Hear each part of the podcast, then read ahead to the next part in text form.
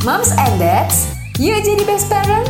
Bersama obrolan meja makan, happy family, happy love. Hai Moms and Dads, berjumpa lagi dengan aku Nita di tips dan trik mengenai dunia parenting dan rumah tangga yang dilansir dari topik artikel terbaik Nakita ID minggu ini. Sebelumnya, Jangan lupa kunjungi website Nakita ID dan pastinya follow dan beri rating terbaikmu untuk podcast obrolan meja makan di Spotify. Serta nyalakan notifikasinya ya, supaya kamu bisa terinfo setiap ada episode terbaru yang tayang setiap hari Senin dan juga Kamis. Jangan lupa follow Instagram kami di @nakitaid dan @medio by KG Media. Ajak si kecil belajar sambil mendengarkan dongeng. Media hiburan edukatif, berkualitas, serta aman bagi screen time si kecil yang bisa diakses di mana saja, kapan saja.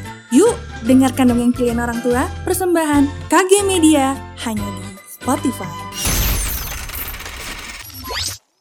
Waktu terbaik merencanakan kehamilan setelah sembuh dari COVID-19. Cara mengatasi emosi pada anak.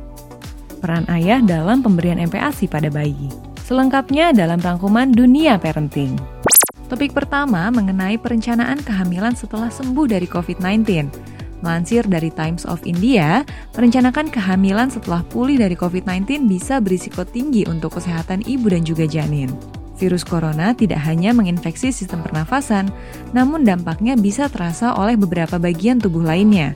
Nah, berikut adalah hal-hal yang bisa moms lakukan untuk mulai merencanakan kehamilan setelah terinfeksi COVID-19. Pertama, cobalah berkonsultasi dengan dokter kandungan untuk mengetahui kapan waktu yang tepat untuk memulai program hamil. Selanjutnya, dokter akan mengevaluasi kondisi kesehatan moms dan menyarankan tindakan yang tepat. Apabila tubuh memang belum siap untuk hamil, dokter akan meresepkan suplemen penambah daya tahan tubuh. Selain itu, juga moms akan diarahkan untuk menerapkan pola makan yang sehat untuk meningkatkan peluang hamil. Topik selanjutnya mengenai cara mengatasi emosi anak. Perkembangan dan tingkat kematangan emosi anak sendiri sangat terkait dengan usia anak dan juga pola asuh serta lingkungan di mana anak tumbuh ada anak yang bisa dengan mudah mengendalikan emosinya, dan juga ada anak yang sulit mengendalikan emosinya, bahkan terkesan meledak-ledak.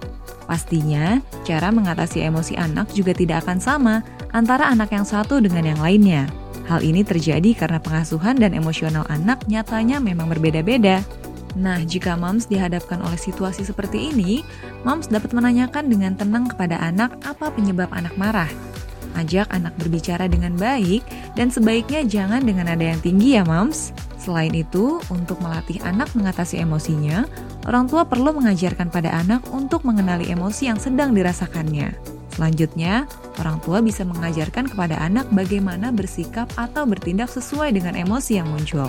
Ketika anak sedang emosi, maka orang tua perlu bersikap tenang, dengan rasa tenang dan kesabaran, orang tua akan lebih mudah dalam menyikapi emosi yang muncul dalam diri anak.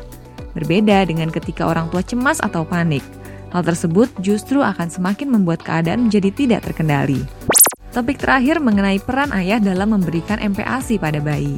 Dalam seribu hari pertama kehidupan, sangat penting bagi orang tua untuk memenuhi kebutuhan nutrisi bayi.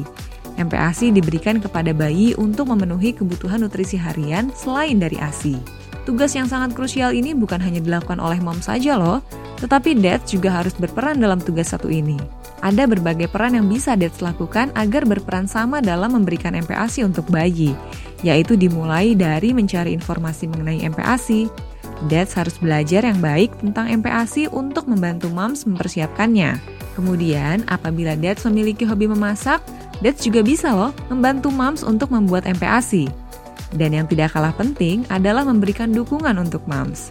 Yang terpenting adalah dukungan moral dan sama-sama belajar tentang MPASI. Demikianlah episode kali ini. Tungguin tips dan trik soal dunia parenting dan rumah tangga selanjutnya ya. Sampai jumpa di episode selanjutnya, Moms and Dads. Thank you for listening, Moms and Dad. See you on the next episode. Happy family, happy love.